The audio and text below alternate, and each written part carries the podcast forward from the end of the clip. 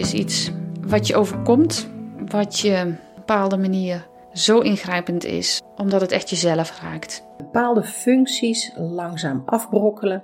Containerbegrip voor ziektes van de hersenen die tot eh, geheugenverlies of desoriëntatie leiden. Dementie is een ziektebeeld waarbij je een steeds meer een stukje van jezelf kwijtraakt. En voordat je een stukje van jezelf kwijtraakt, raken de mensen om jou heen jou al steeds een beetje kwijt. Intens en onbekend. Een weg die ik niet wist te gaan en die ik wel gegaan ben. Dat is dementie voor mij.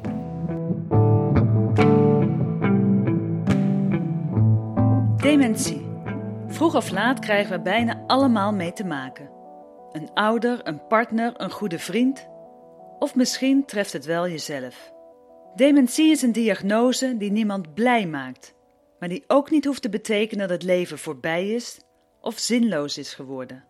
Welkom bij het Alzheimer Podcast Project. In deze serie komen mensen aan het woord die mogelijkheden zien, ervaren hebben dat het ook anders kan en geloven dat een leven met dementie ook mooi kan zijn. Mijn naam is Gerry van Bakel. Femke Vermeer is mantelzorgconsulent. Ik sprak met haar over de rol van mantelzorgers en hoe zij probeert hen te ondersteunen. Er is een hele mooie uh, landelijke definitie voor. Dat minimaal zoveel uur per dag over een periode van x. Maar die vinden we niet zo heel erg belangrijk. Het gaat meer om van wat is je belasting. En uh, ook al kom je misschien niet precies aan die acht uur die je dan zou moeten doen per week, kan het toch zijn dat je mantelzorger bent. Als je zorgt voor iemand en die zorg is bovenmatig, dan, meer dan wat je zou kunnen verwachten, dan uh, val je eigenlijk al wel in de categorie mantelzorger. Vaak voor ouders, soms voor kinderen. Maar het kan ook gebeuren voor een tante of een familie wat verder weg, of ook voor buren. Die situaties zijn er ook. Het gaat erom dat je het je lot aantrekt van iemand anders en op een manier en een zorg levert daar die meer is dan wat je normaal gesproken zou doen. Persoon in de, de, die dementerend is, die dementie heeft, die is op een bepaald moment in zijn ziekte niet meer in staat om bepaalde handelingen te doen. Of om uh, een dagplanning te maken. Of om te bedenken als het koud is, moet ik mijn jas aan. En de mantelzorger die daar dan nou ja, eigenlijk omheen loopt of leeft, die is vaak voor twee mensen aan het werk. Dus aan het denken en aan het handelen en aan het verzorgen. Letterlijk het verzorgen, hè, zorgen dat er een maaltijd is. Maar ook zorgen dat er een jas aangedaan wordt. En ook zorgen dat er misschien nog een dagvulling is. Of dat er eens vrienden op bezoek komen om nog eens wat uh, contact te hebben. Omdat dat initiatief vaak niet meer bij degene met dementie vandaan kan komen. Of het echt een taboe is, weet ik niet. Omdat je natuurlijk wel steeds meer in de media en, en in, om ons heen zie je er steeds meer aandacht voor, voor dementie. Maar wat je wel ziet is dat, en dat hoort ook een beetje bij het ziektebeeld, is dat er weinig inzicht is in het ziektebeeld. Dus dat mensen op het moment dat ze zelf uh, in het beginstadium van dementie uh, zijn, zeg maar, dat ze het beginstadium uh, van dementie hebben, dat ze daar nog, dat ze wel eens wat vergeetachtig zijn en dat zelf nog niet zo linken aan echt hè, Alzheimer of dementie.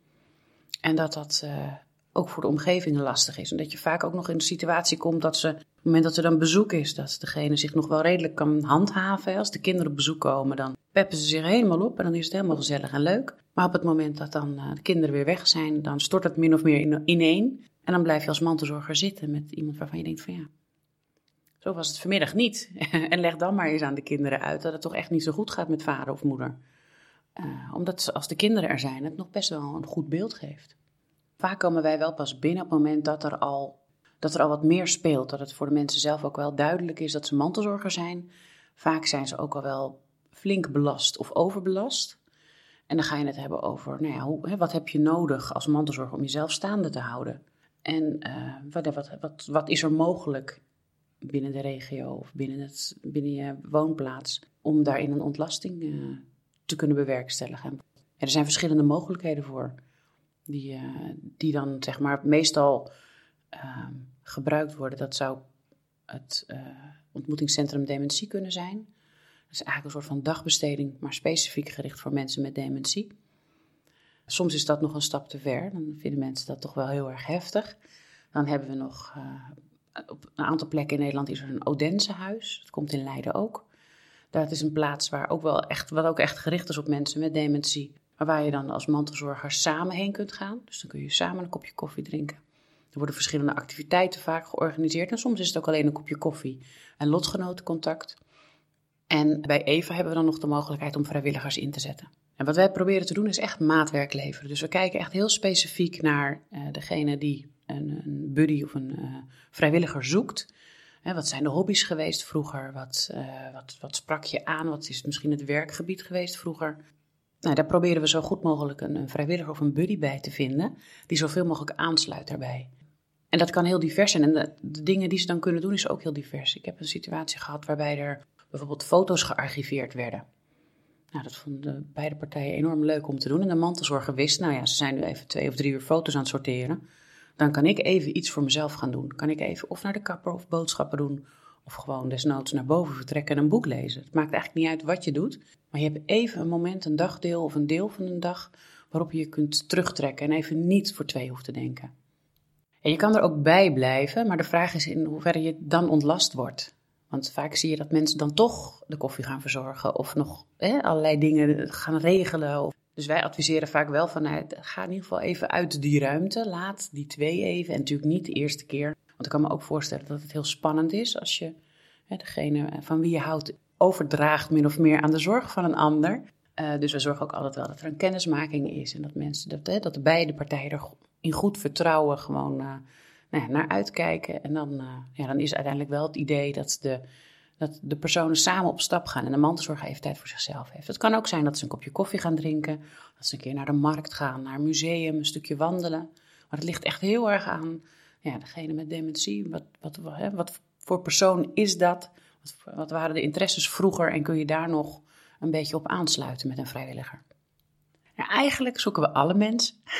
is er niet echt een, een, specifieke lijst waaraan je moet voldoen. Um, en we hebben ook een heel breed scala aan mensen die een vrijwilliger willen.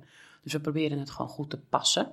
We hebben natuurlijk wel voor de buddy dementies hebben we natuurlijk wel uh, een voorkeur voor mensen die affiniteit hebben met dementie.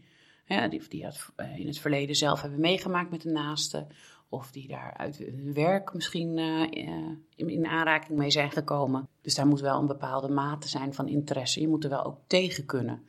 Het kan zomaar voorkomen dat je bij iemand uh, aan tafel zit die vier keer zegt: Wat heb je mooie bruine ogen. Maar uh, ben jij misschien een zusje van. En die zin kan zich dan zomaar dertig keer herhalen in dat gesprek. Ja, dat, dan moet je in een bepaalde mate moet je daar wel zeg maar, voor openstaan om ermee om te willen gaan. Sowieso krijgen alle vrijwilligers die uh, bij EVA ingezet worden, krijgen een introductiecursus. En we hebben ook gedurende het jaar heen, zeg maar, algemene uh, themaavonden en, en scholingsavonden. En voor, de, voor specifiek deze vrijwilligers die we inzetten bij mensen met dementie, hebben we een training Buddy Dementie. En die richt zich echt op het ziektebeeld, op, nou ja, op, echt op deze doelgroep. Wat is wel handig, wat is niet handig? Hoe komt het dat bepaalde dingen blijven hangen? Wat kun je eraan doen om daar misschien toch weer Hè, zoals het voorbeeld wat ik net gaf, ik heb dat meegemaakt, dat ik een vrijwilliger ging koppelen bij een uh, situatie. En de vrijwilliger en ik hadden alle twee bruine ogen, dus die mevrouw zei steeds, ach, jullie hebben mooie bruine ogen, zijn jullie zusjes? Dan kun je natuurlijk iedere keer hetzelfde antwoord geven, nee, we zijn geen zusjes. En dat is natuurlijk ook wel het antwoord wat je geeft, maar wat je probeert is dan een vervolgvraag te stellen of een andere manier van, die, van het antwoord te geven, zodat die mevrouw ook in haar hoofd weer een stapje verder kan in het, in het verhaal. Want anders blijft ze steeds daarop terugkomen. Ze kan ook zeggen, nee, we zijn geen zusjes, maar we lijken wel op elkaar. Dan bevestig je wel wat die mevrouw zegt en probeer je er een andere draai aan te geven. En dat is dan iedere keer opnieuw de uitdaging. Om iedere zoveel uh, minuten kwam deze opmerking weer terug. Om in dat gesprek steeds weer net een andere draai te kunnen geven aan die opmerking. Of net een andere wending, zodat die mevrouw ook niet het idee had. Uh, nou, in ieder geval dat zij wel het idee had dat we haar heel actief betrokken bij het gesprek. Want zij is gewoon ook een partner. In, in, dit, in het gezelschap is ze gewoon uh, aanwezig en aan tafel. En net zoveel gesprekspartner als ieder ander. De dementiebuddy heeft uh, als doel om de mantelzorger te ontlasten. Dat is de ene kant. Aan de andere kant is het ook voor degene met dementie leuk om een activiteit nog te doen. En dat kan koffiedrinken zijn, het hoeft niet heel actief te zijn. Maar het kan ook een stukje wandelen buiten zijn.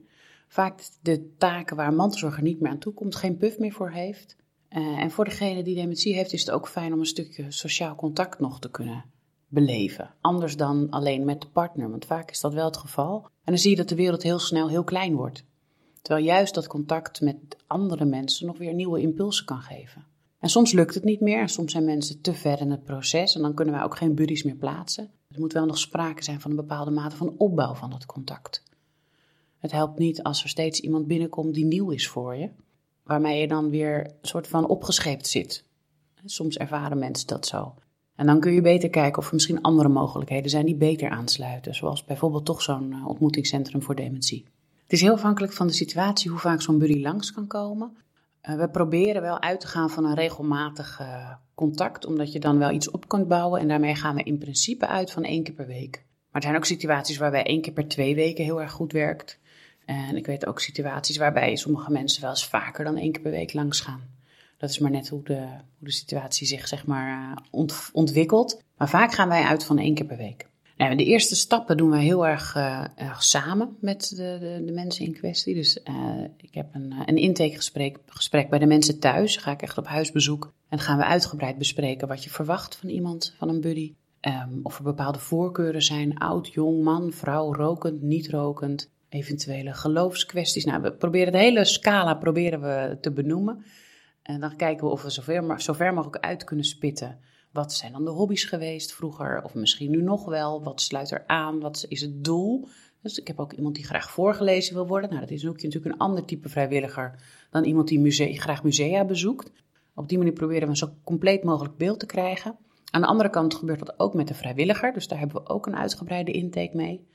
En dan probeer je die twee te koppelen. En dat is echt maatwerk. Dus dat is niet, wil niet zeggen dat degene die als langst op de wachtlijst staat of als langst bij ons bekend is en op zoek is naar iemand, dat die als eerste aan de beurt is. Je probeert echt iemand te vinden die past. En soms kan dat heel snel gaan en soms duurt dat wat langer. Uh, dan gebeurt er bij de mensen thuis een koppeling. Dus dan uh, ben ik, kom ik langs samen met de vrijwilliger. En dan gaan we kijken hoe, die, uh, hoe de match is. Dan spreken de, de, de, de mantelzorger en de buddy vaak spreken nog een nieuwe afspraak af waar ik niet bij ben. En na die eerste afspraak of na de tweede afspraak heb ik altijd nog wel even telefonisch contact. En om dat te evalueren, om te kijken hoe het nu gaat in de praktijk. En of het inderdaad, of die klik waar je dan op hoopt, of die er ook is.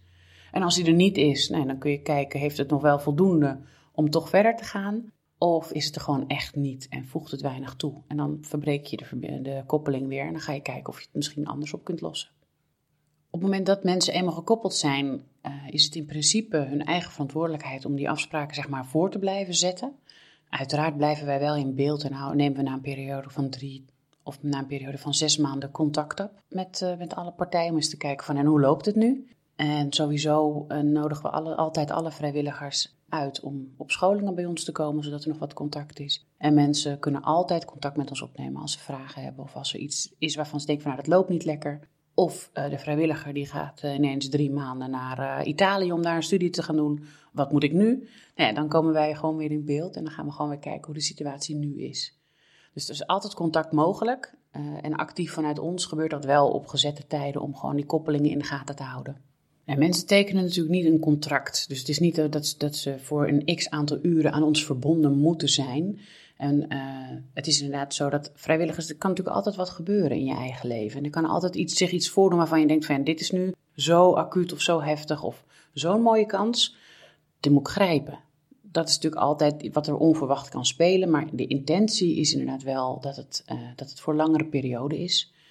Uh, voor minimaal een half jaar bij wijze van spreken. Dan is het een beetje de moeite om iets, om iets op te bouwen. Het liefst natuurlijk langer. Daar zijn we heel eerlijk in. Het is natuurlijk fijn als iemand voor langere tijd vrijwilligerswerk wil doen. Maar in de huidige tijd is het ook gewoon fijn als mensen het überhaupt willen proberen en kijken van nou, of is dit iets voor mij? En dan proberen we ook wel een situatie te vinden die daarbij passend is. Het liefst wil je dat ze wat langer uh, inzetbaar zijn.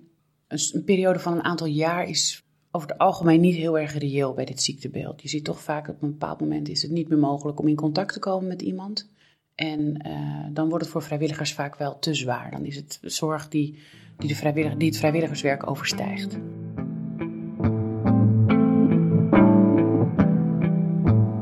Je hoorde mantelzorgconsulent Femke Vermeer. Een van haar speerpunten is het vinden van dementiebuddies die een maatje zijn voor mensen met dementie en zodoende de mantelzorgers kunnen ontlasten. Mijn naam is Gerry van Bakel. Bedankt voor het luisteren. Meer afleveringen van het Alzheimer Podcast Project zijn te vinden op mijn website gerryverhalenbedrijf.nl en de bijbehorende Facebookpagina.